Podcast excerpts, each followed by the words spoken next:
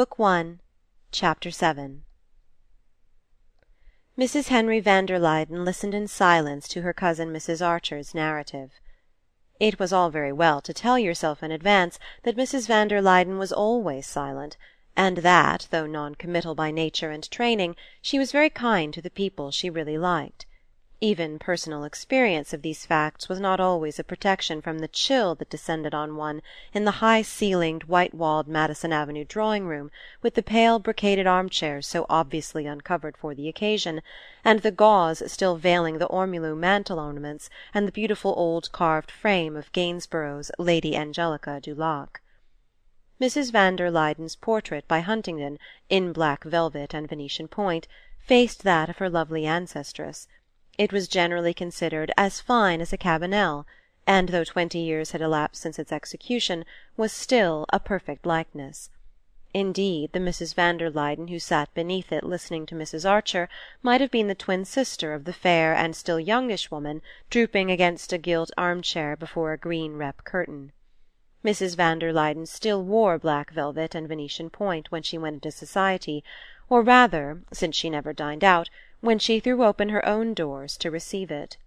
Her fair hair, which had faded without turning grey, was still parted in flat overlapping points on her forehead, and the straight nose that divided her pale blue eyes was only a little more pinched about the nostrils than when the portrait had been painted. She always, indeed, struck Newland Archer as having been rather gruesomely preserved in the airless atmosphere of a perfectly irreproachable existence as bodies caught in glaciers keep for years a rosy life in death. Like all his family, he esteemed and admired Mrs. van der Luyden, but he found her gentle bending sweetness less approachable than the grimness of some of his mother's old aunts, fierce spinsters who said "No" on principle before they knew what they were going to be asked. Mrs. van der Luyden's attitude said neither yes or no, but always appeared to incline to clemency till her thin lips, wavering into the shadow of a smile, made the almost invariable reply: "I shall first have to talk this over with my husband." She and Mr. van der Luyden were so exactly alike that Archer often wondered how, after forty years of the closest conjugality, two such merged identities ever separated themselves enough for anything as controversial as a talking over but as neither had ever reached a decision without prefacing it by this mysterious conclave, Mrs. Archer and her son, having set forth their case, waited resignedly for the familiar phrase. Mrs. van der Luyden, however, who had seldom surprised any one, now surprised them by reaching her long hand toward the bell rope. "I think," she said, "I should like Henry to hear what you have told me." A footman appeared, to whom she gravely added. If Mr. van der Luyden has finished reading the newspaper, please ask him to be kind enough to come." She said "reading the newspaper" in the tone in which a minister's wife might have said "presiding at a cabinet meeting," not from any arrogance of mind, but because the habit of a lifetime, and the attitude of her friends and relations, had led her to consider Mr. van der Luyden's least gesture as having an almost sacerdotal importance. Her promptness of action showed that she considered the case as pressing as Mrs. Archer; but, lest she should be thought to have committed herself in advance, she added, with the sweetest look: "Henry always enjoys seeing you, dear Adeline, and he will wish to congratulate Newland." The double doors had solemnly reopened, and between them appeared Mr. Henry van der Luyden, tall, spare and frock coated, with faded hair, a straight nose like his wife's, and the same look of frozen gentleness in eyes that were merely pale grey instead of pale blue.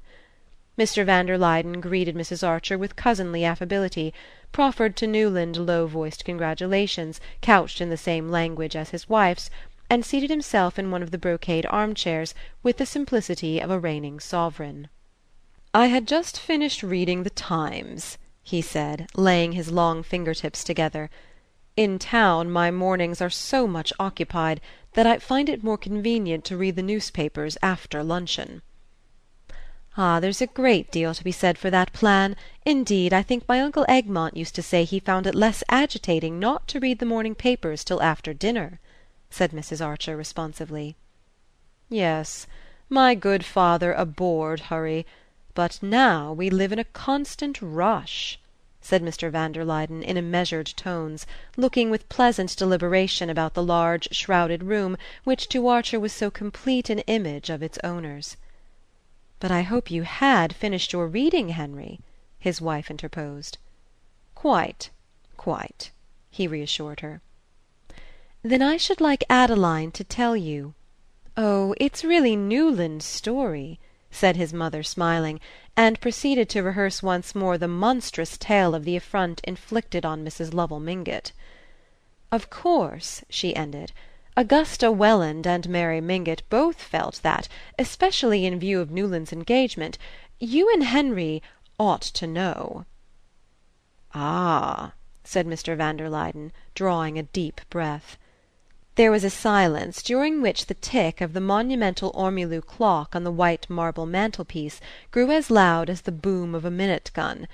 Archer contemplated with awe the two slender faded figures, seated side by side in a kind of vice-regal rigidity, mouthpieces of some remote ancestral authority which fate compelled them to wield, when they would so much rather have lived in simplicity and seclusion, digging invisible weeds out of the perfect lawns of Skuytercliff and playing patience together in the evenings.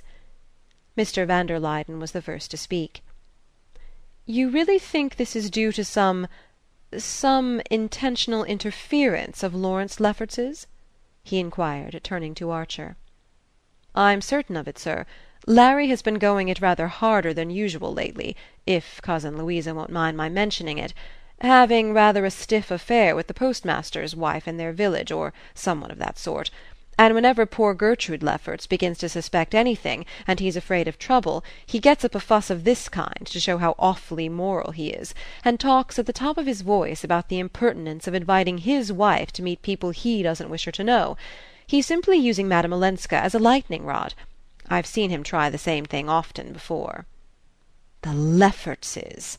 said Mrs. van der Luyden. "The Leffertses!" echoed Mrs. Archer. What would Uncle Egmont have said of Lawrence Lefferts's pronouncing on anybody's social position? It shows what society has come to." "We'll hope it has not quite come to that," said Mr. van der Luyden firmly. "Oh, if only you and Louisa went out more!" sighed Mrs. Archer. But instantly she became aware of her mistake. The Van der Luydens were morbidly sensitive to any criticism of their secluded existence. They were the arbiters of fashion, the court of last appeal, and they knew it, and bowed to their fate. But being shy and retiring persons, with no natural inclination for their part, they lived as much as possible in the sylvan solitude of Skuytercliff, and when they came to town declined all invitations on the plea of Mrs. van der Luyden's health. Newland Archer came to his mother's rescue. Everybody in New York knows what you and cousin Louisa represent. That's why Mrs. Mingott felt she ought not to allow this slight on Countess Olenska to pass without consulting you." Mrs. van der Luyden glanced at her husband, who glanced back at her. "It is the principle that I dislike," said Mr. van der Luyden. "As long as a member of a well known family is backed up by that family it should be considered final." "It seems so to me," said his wife as if she were producing a new thought. "I had no idea," Mr. van der Luyden continued, "that things had come to such a pass." He paused, and looked at his wife again.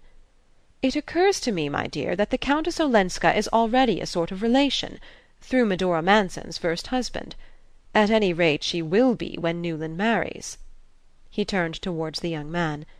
"Have you read this morning's Times, Newland?"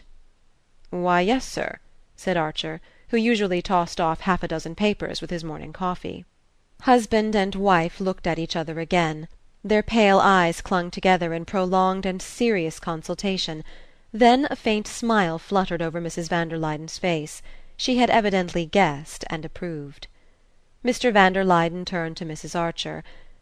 "If Louisa's health allowed her to dine out, I wish you would say to Mrs. Lovell Mingott she and I would have been happy to er fill the places of the Lawrence Leffertses at her dinner." He paused to let the irony of this sink in. "As you know, this is impossible." Mrs. Archer sounded a sympathetic assent. "But Newland tells me he has read this morning's Times. Therefore he has probably seen that Louisa's relative, the Duke of St. Austrey, arrives next week on the Russia. He is coming to enter his new sloop, the Guinevere, in next summer's international cup race, and also to have a little canvas-back shooting at Trevenna." Mr. van der Luyden paused again, and continued with increasing benevolence. "Before taking him down to Maryland we are inviting a few friends to meet him here only a little dinner with a reception afterward. I am sure Louisa will be as glad as I am if Countess Olenska will let us include her among our guests." He got up, bent his long body with a stiff friendliness toward his cousin, and added: "I think I have Louisa's authority for saying that she will herself leave the invitation to dine when she drives out presently with our cards of course with our cards." Mrs. Archer, who knew this to be a hint that the seventeen hand chestnuts which were never kept waiting were at the door, rose with a hurried murmur of thanks. Mrs. van der Luyden beamed on her with the smile of Esther interceding with Ahasuerus, but her husband raised a protesting hand. "There is nothing to thank me for, dear Adeline, nothing whatever. This kind of thing must not happen in New York. It shall not as long as I can help it he pronounced with sovereign gentleness as he steered his cousins to the door. Two hours later every one knew that the great C-spring barouche in which Mrs. van der Luyden took the air at all seasons had been seen at old Mrs. Mingott's door, where a large square envelope was handed in, and that evening at the opera Mr. Sillerton Jackson was able to state that the envelope contained a card inviting the Countess Olenska to dinner, which the van der Luydens were giving the following week for their cousin, the Duke of St. Austrey. Some of the younger men in the club box exchanged a smile at this announcement and glanced sideways at Lawrence Lefferts, who sat carelessly in the front of the box, pulling his long fair moustache, and who remarked with authority, as the soprano paused: "No one but Patti ought to attempt the Sonnambula."